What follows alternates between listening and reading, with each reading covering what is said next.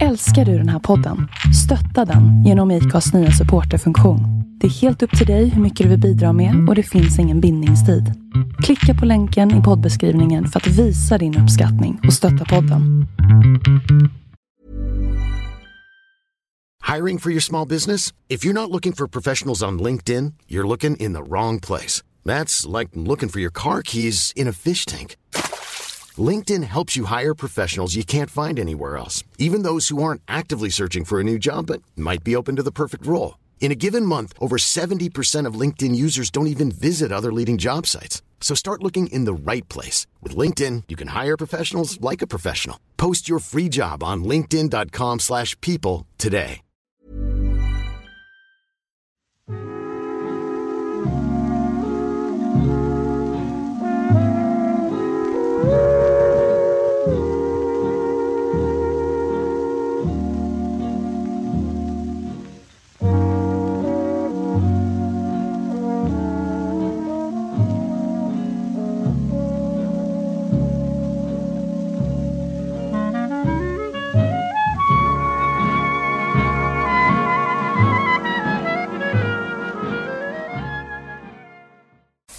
Inled Tony.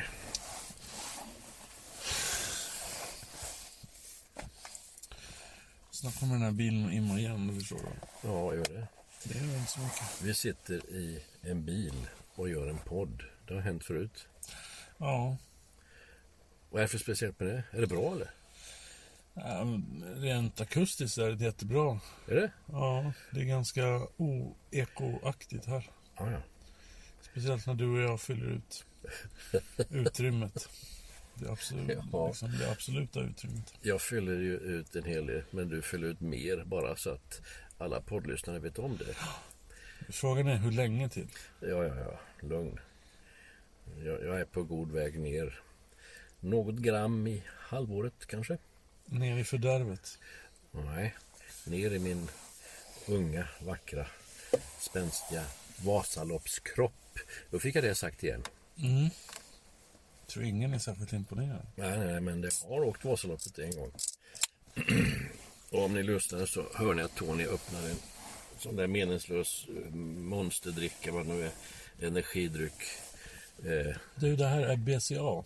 ja, vad är det då? Det är ju sånt som gör att eh, musklerna växer. Ja, okej. jag kör på. Eh, hade jag varit lite påläst hade jag kunnat säga vad BCA står för. Jaha. Men det är aminosyror i alla fall som... Ja, Eh, är det bra? när man då utsöndrar musklerna när man tränar till exempel. Okej. Så hjälper aminosyrorna att bygga upp musklerna Ja, ja, och göra dem starkare. det låter som du har sålt sådana här flaskor tidigare i ditt liv. Nej, men jag brukar vara ganska noga med ah, vad jag häller i mig. Ja. Jag har aldrig i hela mitt liv druckit en sån här monsterdricka eftersom jag läst innehållsförteckningen. Nu såg jag bara på utskriften här att de såg likadana ut, men... Nej, det där Monster eller Red Bull, heter Red Bull? Det här heter Nocco. Nej, men alltså det, det där andra menar jag. Monster. Monster, Red Bull och eh, liknande energigivande drycker som ger energi i 12 sekunder. De har en... jag är säker på att man har sålt mera av dessa energidrycker de sista fem åren än de fem åren innan dess. Av ett enda skäl. Alla afghanpojkar, 23 500 2015, dricker dessa Monster och Red Bull-drycker som om det vore... Som om de eh, levde på det. Eh, Men det är inte bara dem.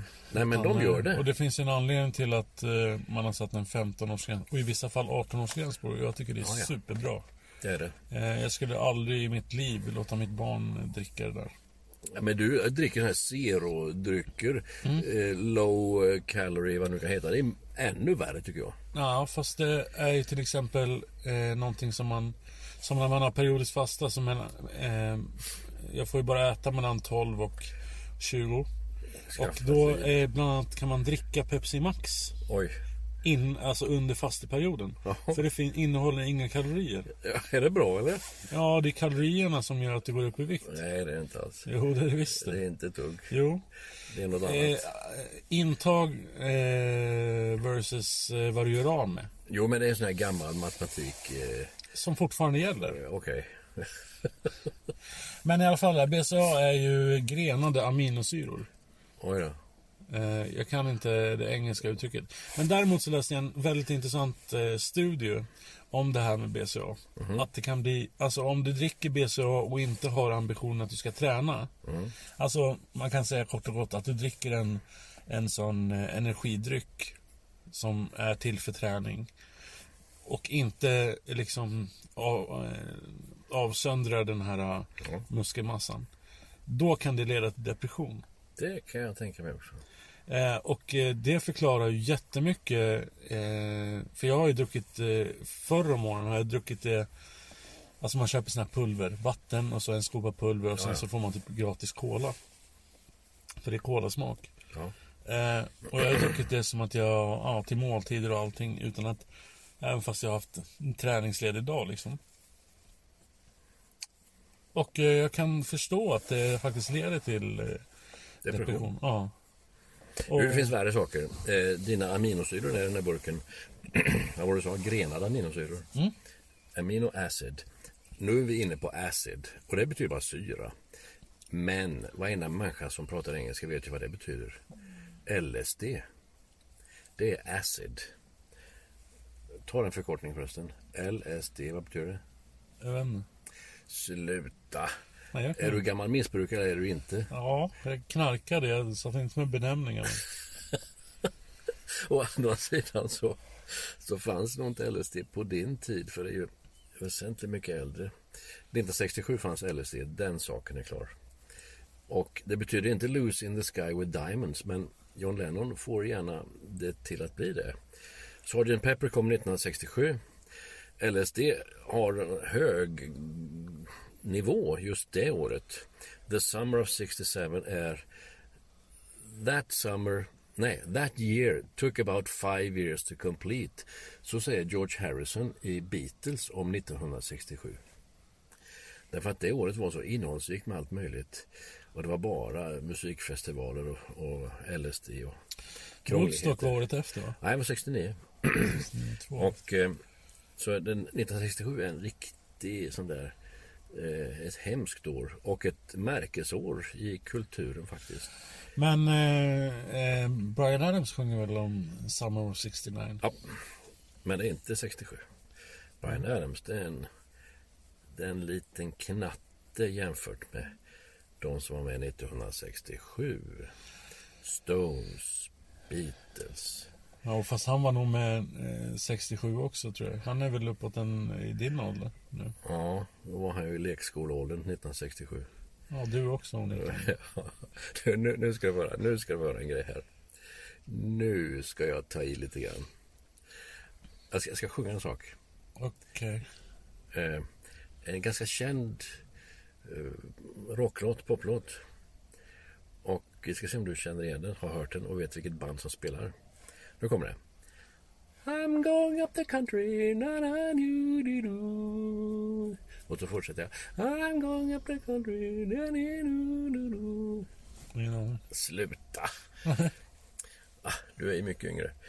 Det där är Canned Heat. De heter så. Canned Heat. Och Going Up the Country. Ljus tenorröst. Eh, En himla god låt. Men han som sjunger är förstås död. Han är nerknarkad. Eh, men det finns några kvar. De var med på Woodstock. Yes. De sjöng Going Up the Country. De var ett av banden som spelade under denna regniga festival. På Jaskers Farm. Jasker var han som släppte till åkerlappen till Woodstock. Åkerlappen det var ungefär som eh, tre småländska gårdar ihop. Allt nog. Canned Heat har jag träffat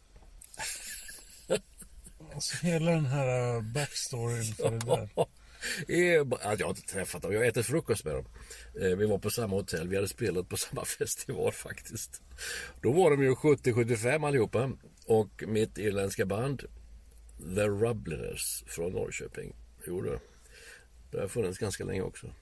Vi spelade på en, en stor attans-festival i Västervik som heter Hojrock. Och då handlar det om 4-5 tusen motorcyklar.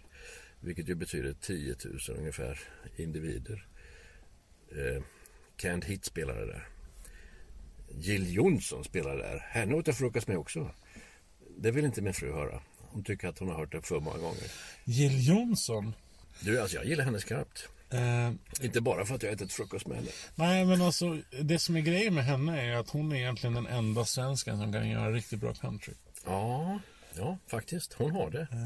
Sen dessutom är hon rätt duktig på att sjunga storbandsjazz evergreens. Eh, hon har också gjort det. Fast inte så mycket. Hon är jätteduktig på det. Och sen så tycker jag att det är så häftigt att hon åker till Nashville varje gång hon ska göra en platta. Hon är liksom verkligen trogen det soundet. Att, Ja, ja. eh, Jag, så här vill jag att det ska låta, därför åker jag dit. Ja. Och jag älskar ju Gills veranda också.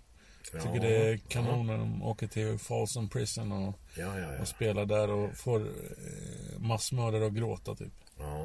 Där ser man ju musikens verkliga kraft liksom. Tre fängelser. Johnny Cash har varit på tre fängelser och spelat in en skiva. Vilka tre fängelser är det? Ja, det är i alla fall en i Sverige.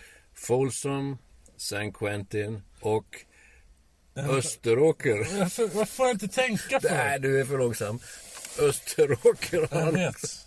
Men Där hade... har du inte suttit. Nej. Eh, Österåker fanns inte kvar då tror jag. Ja, ja.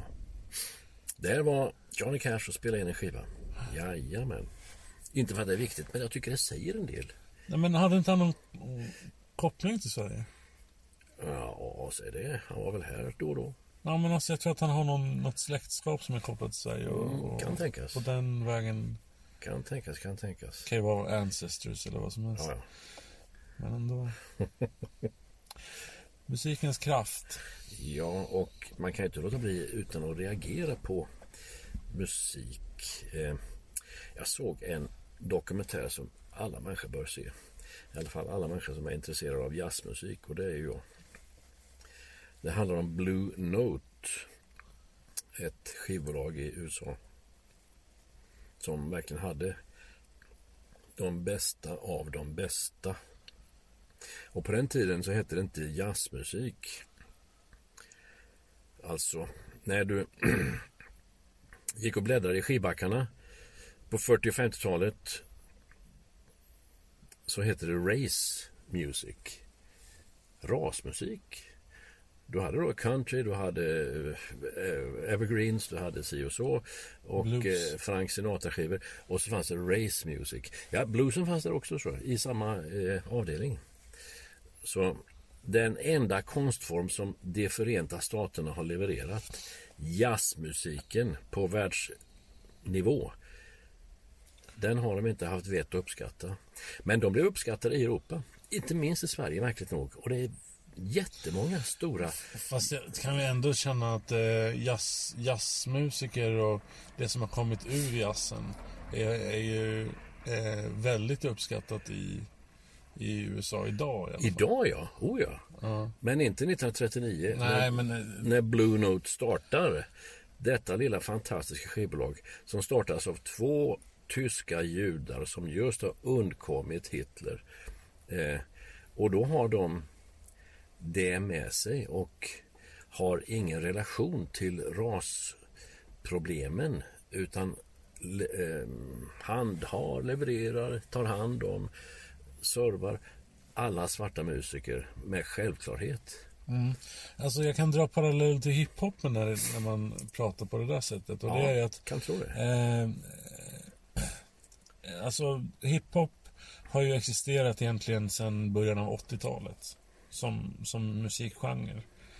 Och eh, det, det började egentligen med att man hade en, typ en bongotrumma som man slog takten med. Ja. Och sen så... Eh, heter det recitera? Ja. Reciterade man alltså dikter som man har gjort i takt i den. Ja. Och sen så kom ju det här med att man började eh, sampla från olika För att man inte kunde spela instrument själv så då tog man ju olika ljud från och samplade ihop det till olika låtar liksom. Och sen på 90-talet så kom det till Sverige och den första svenskarna som gjorde det var faktiskt just det. Redan Ja, ja, ja. 1987. Oj. Eh, Crafoord de. Mm, Bill Crafoord och, och Gustav vad han heter. Eh, och, och en till där. Så de började, men det var ingen som tog det seriöst för de bara larvade sig ju liksom. Ja. Och sen kom Latin Kings och då började den här uh, förorts... Ja, ja, ja, ja. svenskan. Sen var det ett break på typ fem år när det inte kom någon svensk hiphop alls. För att det var ju inte kommersiellt då. Tills Petter kom 1998 eller 97 ja, ja, ja. och släppte Mitt sjätte sinne. Och då, han var den första rapparen som fick, hade ett stort skivbolag, BMG, i ryggen. Peter Swartling då. Mm. Och sen dess eh, så har det liksom rullat på och nu har vi kanske 200 kommersiella eh, hiphopartister i Sverige. Och de gör massvis med pengar på det. Och det är ju alltså vita människor som har tagit den svarta musiken. Liksom. Det är verkligen Elvis all over again. Eh, för det var ju ändå någonting som liksom personifierade Elvis, att han tog någon... Alltså tvättade rent den svarta musiken på något sätt. Och det är det som, nu kommer det upp eh, mycket för, förortsbarn med andra generationens invandrare som också liksom tar tillbaka det där på något sätt. Jo, men det är den sociologiska bakgrunden till musiken. Men sen så kan man tycka att det är märkligt att denna musik med sina makalöst långa texter som ska rimma på ett eller annat eh, halvhyggligt sätt också innehåller så mycket död, pina, kvinnoförnedring, eh, flickor dras i smutsen. Det där finns också som en eh, självklar del nästan. Ja, jag skulle vilja säga att det finns eh, flera olika varianter. Alltså det finns ju den amerikanska som handlar om pengar och, och eh, för där, alltså lyckas man få ett skivkontrakt i USA så får man ju fruktansvärda mängder med pengar. Och i USA, om du har fruktansvärda mängder med pengar så kan du eh, köpa alla möjliga saker på avbetalning och sen när det inte går längre så bra så tar de tillbaka allt det här. Eh, I Sverige funkar det inte riktigt så. Alltså, det finns ytterst få som tjänar mycket pengar och de gör... Alltså den musiken funkar inte på svenska. Okej. Ehm, Sa- Staxet försökte ju med gangsterrap då, Ja. med Kartellen och det gick ju ganska bra men det är liksom ingen annan som lyckades med det. Men han är alltså efter Petter, han är tio år efter minst. Ja, minst. Han kom upp för en sju, åtta år sedan. Ja, ja. Och sen var de väl kommersiella i, Ett par år. ja, och så innan han eh, mötte Gud då liksom. Men det som är stort i Sverige är det, det vi kallar för storytelling. Alltså att man försöker återberätta en historia. Eh, det är den rappen som har liksom slagit stort i Sverige och den funkar inte kommersiellt i, i USA liksom. Vad du kan om det här. Ja, men jag har ju levt i det i 20-25 år. Det har vi aldrig pratat om. Nej, det har jag aldrig pratat om. Du brukar Eh, stänga av radion i bilen när jag har på Mozart och Bach. Ja, Är det av samma skäl? nej, utan, och det ska man ju veta att eh, Beethoven och, och Mozart är ju en av de mest samplade eh, artisterna inom hiphopen. häftigt. Alla, alla stråkar kommer nästan alltid från något klassiskt stycke. Ja, ja. Det är ytterst få hiphoppare som kan spela stråk, ja. kan man säga. Jag kan tro det. Eh, och jag har ju hållit på med det där i ja, 20 år också och skrivit eh, låtar och skrivit musik och sådär. Och, eh, jag har aldrig fastnat för den här eh, kommersiella delen utan det har varit ett, ett eh, ja, alltså jag gillar poesi. Och sen lägger man till lite rytm till det så, så blir det eh, blir det något som tilltalar mig. Kan du rimma? Måste du rimma?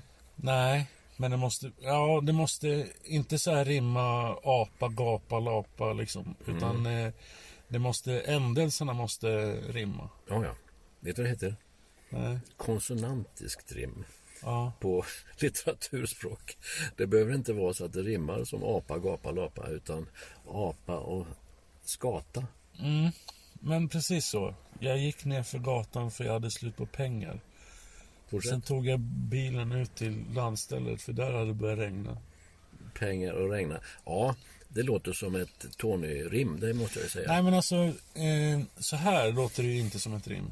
Nej. Men när du lägger till en takt och en rytm Ja, Och, och musik så, så... Och det är liksom grejen med storytelling. Mm. Att, eh, och, och det är ju det jag fascineras om när jag skriver böcker också. Att det, att det finns en historia att berätta. Att det Du, alltså, inte är det, tomt. jag ska inte hacka på det när du rimmar på regna och pengar. Eh, inte alls för att eh, hela litteraturhistorien är full utav dels tvättäkta, tvärsäkra, fantastiska vattentäta rim och av dåliga rim eller av bokstavsrim som inte rim alls. Och då blir det alltså här allitteration, du vet. Bagar Bengtsson bakom berget och allt det där va. Men det är Lennart Hellsing och det är ju, det är ju barnramsor. Eh, lyssna på den här ska du få höra. Sitter i högen högättad hövding Slagsvärd på sidan, skölden på arm Gångaren gode gnäggar därinne Skrapar med gullhov grundmurad grav Där. Så börjar en utav delarna i Fritjofs saga utav Esaias Tegnér. Det är 200 år sedan drygt eh, han skrev det där. Och då är det högen, högätad, hövding, gångaren go god gnakar, skrapa med gullhov, grundmurad grav. Eh, det där är ju då ansett som stor poesi och det är det också. Det är det verkligen. Men det finns inga rim. Men det är bokstäverna här som är viktiga. Börjar på samma, fortsätter, tar över en annan bokstav. Ja, det är där vi kallar för nödrim. eh, Ja. Men sen ska man ju kolla, det, alltså hiphopen består ju av fyra element. Okej? Eh, det ena är ju rap då. Eh, sen är det breakdance. Mhm. Och sen är det ju DJ. Och sen är det graffiti. Men house, vad är det då? House är ju eh, riktigt sån här acid music. Det, har ju, det är alltså man tar eh, tar eh, liksom fjärdedelstakter och så trimmar man upp det. Och du kan. Ja. Men är född ur hiphopen. Mhm, housemusiken. Okej. Ehm, och sen på senare år så har det blivit mycket mer melodi över, över house liksom och catchiga refränger och sådär. Men så var det inte från början utan Kommer du ihåg Docklands liksom? Raven och Nej, jag kan ju inget sånt där. eh, till och med Gudrun Schyman var ju där. Ja, men du, det minns jag. Och när du säger det, att hon var där minns jag. Att hon var ganska påstruken. Och eh, att hon, det var när hon var partiledare för Vänsterpartiet. Ja, Och efter det tror jag hennes missbruk uppdagades på något sätt. ja. Eh, Ja, men det var ju det bara skrek om det liksom. Att eh, titta vad hippt och häftigt Vänsterpartiet är som hänger på Docklands. För då var det mycket snack om Docklands, att det cirkulerar mycket droger och... ja, det gjorde och väl också eh, ja, Men Vänsterpartiet ville vara där på något Ja, ja, sätt ja. och eh, visa att eh, alla kunde vara där liksom. Att, att eh, det inte var något kriminellt liksom. Men en, eh, nu, nu snöar jag in väldigt mycket på hiphop här, men, men eh, det är ett element som man eh, liksom på något sätt eh, bestämmer om en rappare är bra eller inte, då, då kör man något som heter freestyle. Mhm. Där man liksom battlar mot, två stycken står och battlar mot varandra. Och ska försöka att eh, håna den andra så mycket som möjligt. Och, och det är mycket så här din mamma och sånt där. Ja, det är klart. Ehm, eh, men de bästa rapparna kan ju Som Eminem till exempel Som är kanske den största genom alla tider Han var ju Han kan ju stå i 10, 15, 20, 25 minuter Och bara få ur sig. Ja Och det ska rimma och det ska Ja. vara fyndigt. Ja, precis Ehm, Så att, eh, nej det, det, Och eh, gillar man poesi Mm. eh, Så ska man kanske lyssna på en sån kille som Eminem För att det, han kan göra väldigt djupa grejer under sina, sina freestyle sessions. Eh, Och eh, sen finns det otroligt mycket bra svenskt Alltså engelskt som kommer från Sverige. Det finns till exempel något som heter Blackness Allstars Som eh, var ett eh, soul, R&B och hiphop-kollektiv med olika artister. Släppte jättemycket plattor i början på 2000-talet och, var fantastiskt bra. Men sen så bestämde de sig för att vi ska inte göra mer Sorton soloartister och så vidare.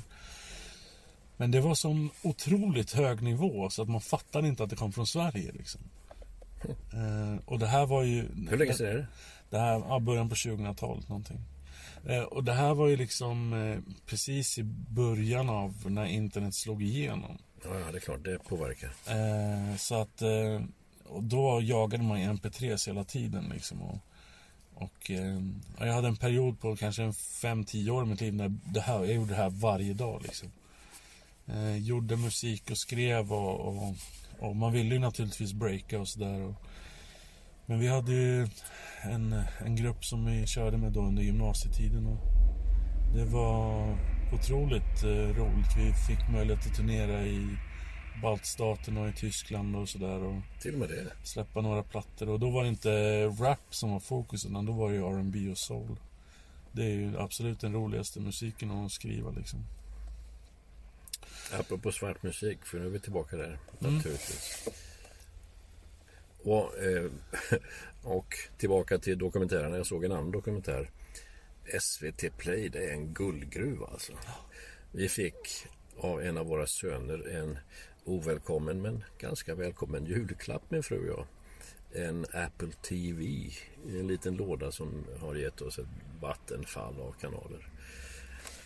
Och vi hade nog SVT Play innan, det vet jag inte riktigt för jag letar aldrig efter det. Men jag har upptäckt några dokumentärer, till exempel en om Motown. Oh, vad bra. Till exempel om Elvis, om jazzmusik, om... Oh, Tom Aland gör fantastiska program som ligger där. Eh, inte- gjorde i alla fall. Är han död? Ja, Tom Aland? ja. Oh, det visste jag inte. Ja, Rätt länge sedan också. nej, sluta. Jo, Aldrig. jo. Okej, ja, jag tror det. Eh, duktiga program i alla fall. Fantastiska program om Nacka Skoglund. Om eh, intressanta och bortglömda och lustiga figurer som, som nästan värda att belysas igen. Och där kan man säga så här att när HBO lanserade sin eh, Nordic-kanal Ja, eh, och de är ju liksom världsledande på dokumentärer i världen om man tänker. ja, ja. Eh, de värvade kanske ja, men i stort sett all sin nyrekryterade personal eh, ifrån SVT. Och speciellt de som köpte in dokumentärer och sånt där. säger du det? Eh, just för att SVT har ett sånt eh, gott renommé när det gäller dokumentärer. Ja, ja, ja. Eh, de är verkligen bäst. Ja, men det kan jag tro. Och det finns ju inga undanflykter som att vi måste dra in si och så mycket pengar för att och sådär va. Nej. Så att den statliga televisionen, det låter som en negativt när jag säger den statliga televisionen. Det är precis tvärtom. Men det har lite blivit deras nyckel när de börjar förlora rättigheter och sådana här Ja, ja. till hockey-VM och allt vad Ja, det ja, är. ja. Då måste man liksom bredda sig på något sätt. Och, Vad är det sista de släpper tror du? Vad är det sista de klamrar sig fast vid, SVT? I relation till alla tv-kanaler? jag vet inte, längdskidor. Nej, nej, nej. Det är Kalle Anka på julafton och Mello. Ja, Mello är ju deras egen produkt så att det, det kan de ju aldrig de, förlora. Därför kan ju släppa det, de kan ju sälja det. Ja, nej, det sälja kan de inte göra. Men däremot så kan ju någon annan kanal försöka starta upp någon annan. Ja, ja. Men jag tror att eh, Sverige var väl initiativtagare till Eurovision once upon a time. Jaha, Så att, eh, eh, och vi är väl det landet som har varit med flest gånger. kan nog tänkas. Eh, från 60-talet och Ja, framåt. 59. Eller möjligen 58, jag minns inte riktigt. 58 var ett eh, märkesår, så att om det startade 58 så förstår jag det. Det var ett fantastiskt år, 1958. Bland annat så fick Sverige VM-silver i fotboll på Ullevi, på Råsunda. Föddes du då? Eh, det har jag inte sagt, jag bara säger att det var ett fint år. Nej, men jag tror att du föddes då. Eh, det har jag inte ens varit an, antytt Nej. att jag skulle vara i närheten av. Jag bara nämner att det var ett märkesår i världshistorien. Ja, så kan man Så är det. Eh, jag är ju född 82. Oj då. Eh, och eh, när man eh, googlar då på något liksom som var signifikativt för 82 så sägs det att de bästa vinerna gjordes då. Det var, nej men på riktigt. Det var Ja, något speciellt med eh, druvorna just det året. Månen stod si och i Nej, Jag vet i inte, men i- du vet tillräckligt mycket regn, tillräckligt mycket sol för att... Eh, och det, jag gillar, jag är ingen vinälskare på något sätt. Så att eh, eh, jag har ingen relation och kan inte bedöma om så är fallet. Mm. Men just årgången 82 när det gäller vin är tydligen... Sträck på dig. Ja, jag har ingenting med det att göra. Jo, du kan ta till dig den goda årgången 82. Mm. Ja, Sen möter jag aldrig människor som är födda 82. Alltid så här 81 eller 83. Det är liksom det närmaste. Det är extremt sällan jag möter du, det kan ju hända, men det säger ju ingenting mer än att du har inte träffat de övriga 98 000 som föddes då. För att det är nästan alltid 100 000 som föds per år. Plus minus 5 000. Ehm, och det har varit så under lång tid. Jag vet inte om jag tror på det. Ja, googla hur mycket du vill. Det är 100 000 som föds varje år. Eh, Men hur kan vi då ha, ha ökat med... från 8 till 10 miljoner. Ja, Eh, du har då en miljon utan tvekan i ren invandring. De är inte precis födda utan då blir det ju ett nettotillskott där. Och då talar jag inte om danskar och finnar som då har funnits här eh, sedan ännu längre tillbaka. Eh, så där har du någonting som stör min född i Sverigebild här men, men den hindrar inte att den är korrekt. men eh, eh, det borde innebära att det inte dör lika många som det föds. Nej, det dör inte lika många.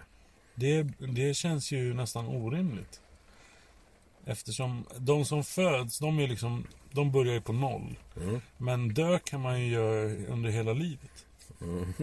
Så man tänker att det borde orimligen vara fler som dör per år än vad Nej, som nej, nej. föds. Eh, nej, du har väl en 80 år på dig att icke dö, det vill säga leva. Jo, jo, men av, av en massa anledningar. Du kan ju slå upp en tidning vilken dag i veckan som helst. Och åtminstone räkna tio dödsfall i Ja. din eh, eh, Ja, region. Liksom. Oh, ja. Och fler födslar. Och det kan ju inte vara så många födslar per region ifall det är 100 000 i hela landet. Du, nu ska, nu ska jag bli lite mystisk här. Ja, okej. Eller lite sådär eh, tomtar och troll och kloka gummor och, och liknande. Ja, det är Eh. mystiskt.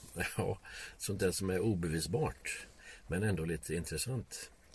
Eller lockar lite. När vi har haft anledning att åka in till BB, min fru och jag. Eller rättare sagt när jag har haft anledning att åka in med henne. Så första barnen som föddes.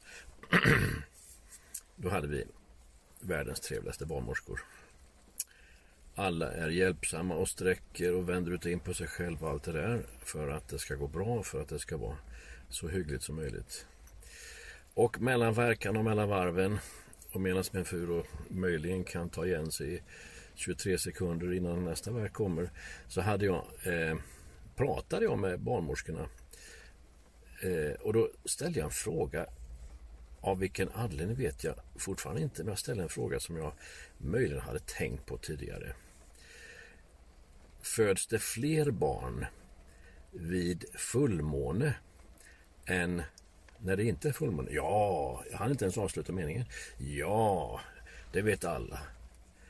Jaha, sa jag lite tafatt. Okej, så byttes de av då så att vi fick en ny barnmorska. Då var jag ju tvungen under loppet av natten som gick var jag ju tvungen att fråga henne också, den nya barnmorskan. Och hon sa, ja så är det. Eh, något mindre ordrikt utan bara konstaterande. Äh, så kan det ju inte vara, tänkte jag med stilla sinne. Varenda barnmorska under alla sex förlossningar som vi har varit eh, som min fru har varit inne på har jag ställt samma fråga till då ett par tre barnmorskor och liknande under loppet av tiden det tar. Alla har sagt samma sak på lite olika sätt men exakt samma sak. Ja, när det är fullmåne då får man aldrig sitta. Men alltså jag tänker att... Eh, Kan du förklara det? nej, det kan jag inte. Har du hört det? Jag har hört det, men, men jag har också tänkt när jag har hört att jag kan förstå att det kanske tillverkas fler barn vid fullmåne. Men eh, födslarna kan man inte gärna göra någonting åt. Nej, De kommer ju när de kommer. Liksom. ja och så slår det på plus minus några veckor eller så där, va? Ja. Så att, eh, jo du. Eh, låt säga att det är plus, plus minus två veckor. Där har du ju faktiskt en hel, ett helt månvarv. Eh, så om det är då fullmåne tre veckor innan det är beräknat då kan ju barnet födas tre veckor innan utan minsta besvär, eller hur? Plus minus då några veckor över tiden. Alla mina barn har gått eh, över två veckor. Hopp. Du har inte kollat om det var fullmåne? Nej, men man skulle kunna kolla det i efterhand. Du, skulle, du får nästan ta det som hemläxa. Ja, Kolla om exakt det datumet om det var fullmåne. ja. Det är ganska intressant det där. Det, finns ju ingen eh, logik eller eh, det gör ingen skillnad på något sätt. Men det är ju på något sätt ett konstaterat faktum. då. Ja, men alltså, då är man en del av Guds skapelse. Eller man är påverkad av Guds skapelse, så Guds skapelse man själv är. Eh, om du tänker dig att månen kan dra vatten så det bildas en kulle på havets yta, det vill säga tidvatten kan dra och kan dra tillbaka vatten. Det handlar ju om enorma mängder vatten som månens dragningskraft utövar på haven. Kan då månen påverka en kvinna full av vatten och full av eh, ett snart färdigt barn? Ja, möjligen det också. Att månen har en sådan, inte dragningskraft, inte rätt ordet, men sådan atmosfärisk påverkan. Ja, men då går det från en emotionell och eh, ologisk eh, företeelse till att bli en väldigt eh, logisk och greppbar eh, situation. Ja, det är inte lika romantiskt. Nej, nej men, eh, men eh, då finns det ju någon sorts logisk poäng i det. Och då blir det mer greppbart. Ja, men det är inte lika kul då. Det blir lite för mycket matematik. Ja, fast samtidigt så eh, understryker ju det bara Guds skapelse. Ja, det gör det faktiskt. Så att eh, då, då kan jag ta till det men på ett annat sätt. eh, än, vad, än vad det här är lite... Lite flummiga. Ja. Flummigt är bra, alltså det, speciellt eh, för en som skriver mycket. Mm. Så krävs det ganska mycket flummighet för att... Jag har naturligtvis frågat läkare i min närhet och där jag så har kommit ihåg det om samma sak. Manliga läkare. Påverkar månen barnafödande? Nej, det finns inget studerat. Nej, det, det, vet, nej det, det har jag aldrig. Alltså de har haft den där självklara. Allt medan barnmorskorna som då förstås är kvinnor och själva mammor. Jo men så är det alltid. Det vet ju varenda människa. Men alltså så tänker jag att eh, läkare eh, är ju väldigt... Eh, vad ska man säga? Ja men de måste vara lite forskningslagda eh, lagda för att eh, det ska funka liksom. Ja, ja. För att annars blir de lite för svajiga så då blir de ju såna här eh, naturläkare istället. ja, ja, ja. Men jag, tänker, jag kommer att tänka på min eh, eh, bortgångne farbror. Eh, Ville, han fick cancer och dog för några år sedan. Han eh, var ju kommunist. Han påminner väldigt mycket om Mikael Jendel överlag. Men eh, han var kommunist under hela sitt liv och eh, eh, var massör och blev sen någon sorts naturläkare och sådär. Han gick med sådana pinnar. Mm. Vad heter det? Eh, slagruta. Nej, Ja. inte slagruta utan det, men pinnar jag vet. Ja. Som, Eh, som svängde åt olika håll. Ja, precis. Och eh, pratade mycket om energier och sådär. Ja, ja klart. Eh, sen var han gift med världens stelaste tant liksom. Okej. Men, eh, men eh, han var väldigt sådär... Ja, men han var andlig men inte, hade inte funnit Jesus liksom. Ja, Eh, och det där tänker jag har, har ju någonting med månen att göra också. säkert. Eh, att det, det måste ha någonting med det... För att man, man letar efter vatten med de där. Ja, ja. Och ju mer det liksom svajar till, ju mer eh, vatten finns det liksom i Ja, närheten på något ja. sätt. Och om det då finns någon relevans mellan eh, vatten och månen så måste ju månens dragningskraft också på något sätt ha någon bäring när det gäller det Ja, där. ja. Alltså det du talar om, eller det vi talar om här är ju det vi inte kan förklara men som vi möjligen kan se resultatet av. Och då måste man ju bortförklara det. Eh, och då blir det ju tafatta försök. Jag kommer att tänka på en kollega, fysiklärare. Gymnasiet, matte och fysik. Hur eh, oflummigt låter inte det? Ja, Sterilt och tråkigt i alla fall. Nej, det är förtjusande trevlig människa. Han i alla fall skulle eh, bygga ut eller bygga om en sommarstuga. Eller någon, någon kåk som tillhörde släkten någonstans ute i skogen. Han var inte precis eh, lagd åt det här slagrutesättet. inte alls. Utan de grävde där de trodde sig eh, komma ner till vatten. För den brunn som behövdes också då. Det här är långt ut utanför. Utan resultat. Och de höll på. Och det är ju dyra grejer. Alltså till slut var det ju maskiner som kostade x antal kronor i timmen. Och inget vatten fanns. Och då är det någon som säger Ja, men jag, jag känner en gubbe här i grannbyn. Eh, ska vi inte försöka? Ah, nej, nej, nej, inte sånt där. Men till slut ger han med sig. Och eh, okej, vi hämtar honom då.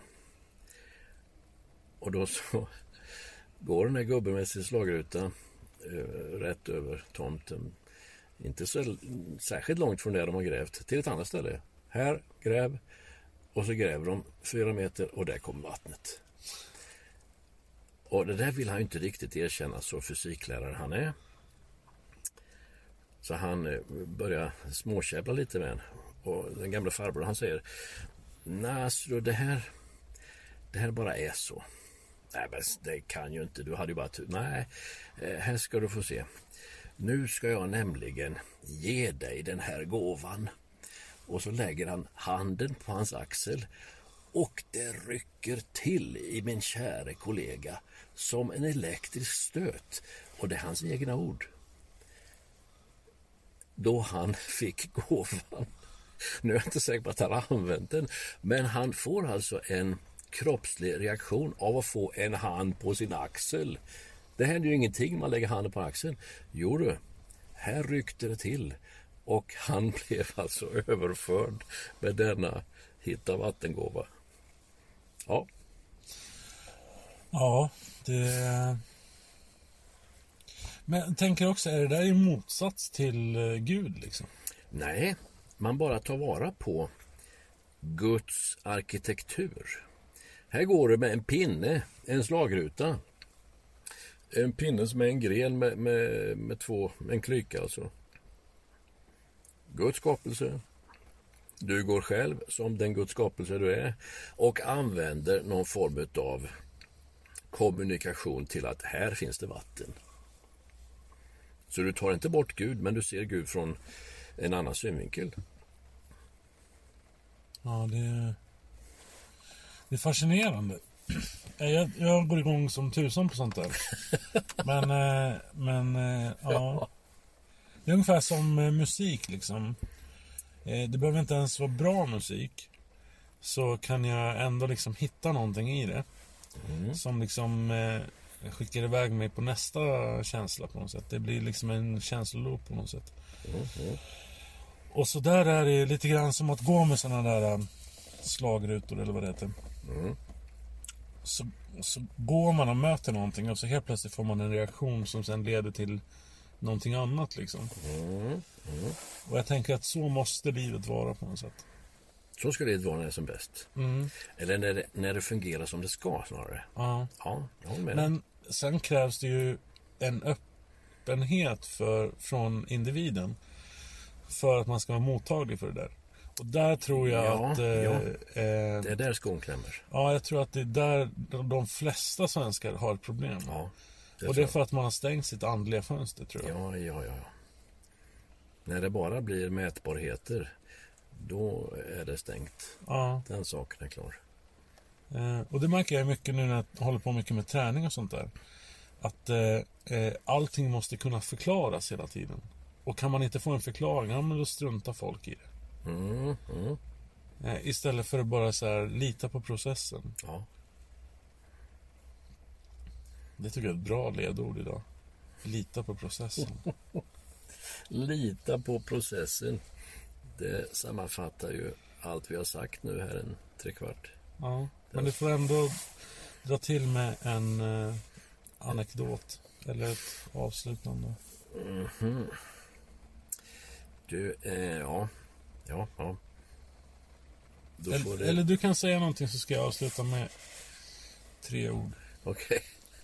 Du, alltså du gick ju igång här på rappandet och hiphoppandet på ett sätt som jag inte kände igen. Eh, Jättekul Tony, men i alla fall.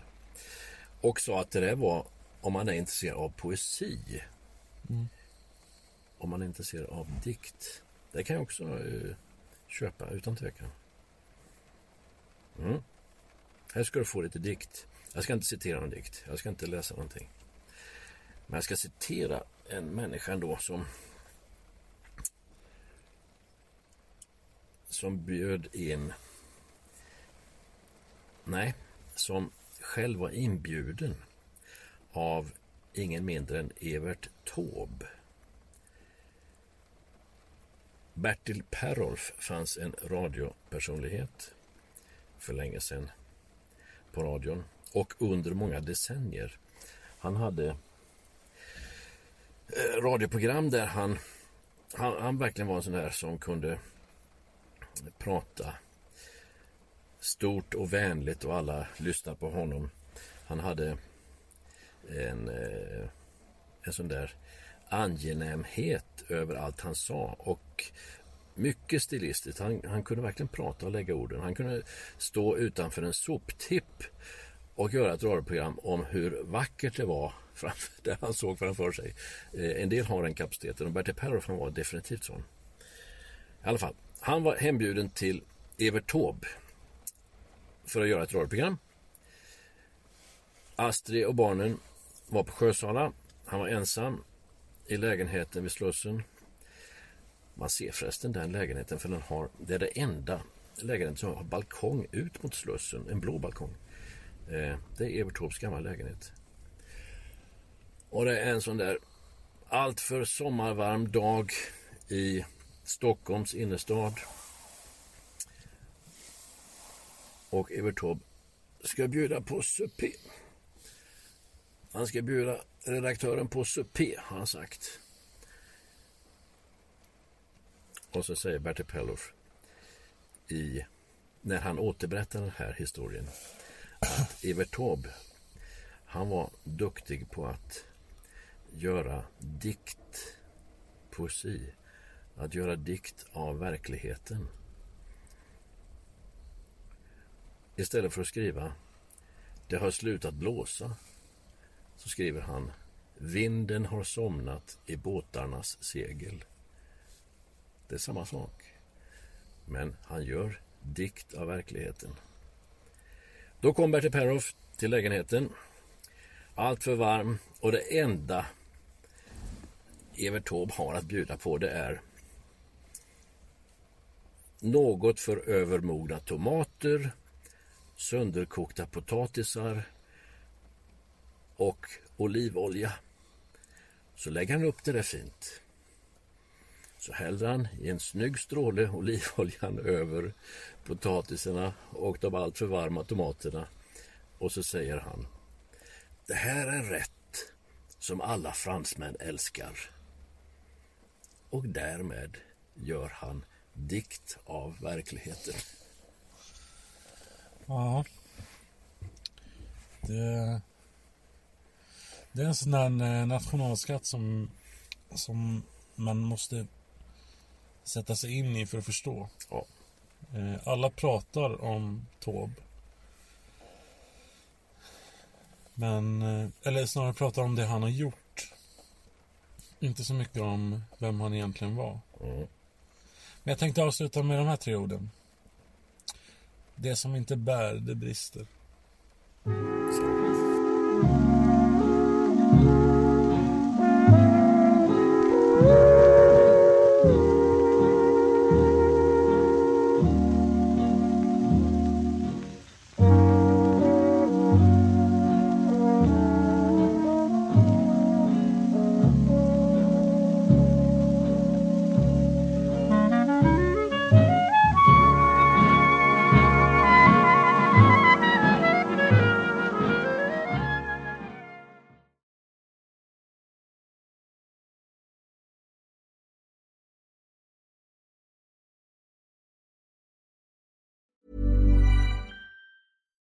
When you make decisions for your company, you look for the no brainers. And if you have a lot of mailing to do, stamps.com is the ultimate no brainer. It streamlines your processes to make your business more efficient, which makes you less busy.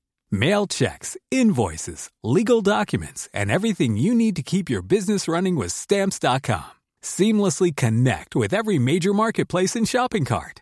Schedule package pickups and see your cheapest and fastest shipping options from different carriers with rates up to 89% off USPS and UPS rates. And with the stamps.com mobile app, you can take care of mailing and shipping wherever you are. Make the same no-brainer decision as over 1 million other businesses with stamps.com. Sign up with code program for a 4-week trial plus free postage and a free digital scale. No long-term commitments or contracts. That's stamps.com. Code program.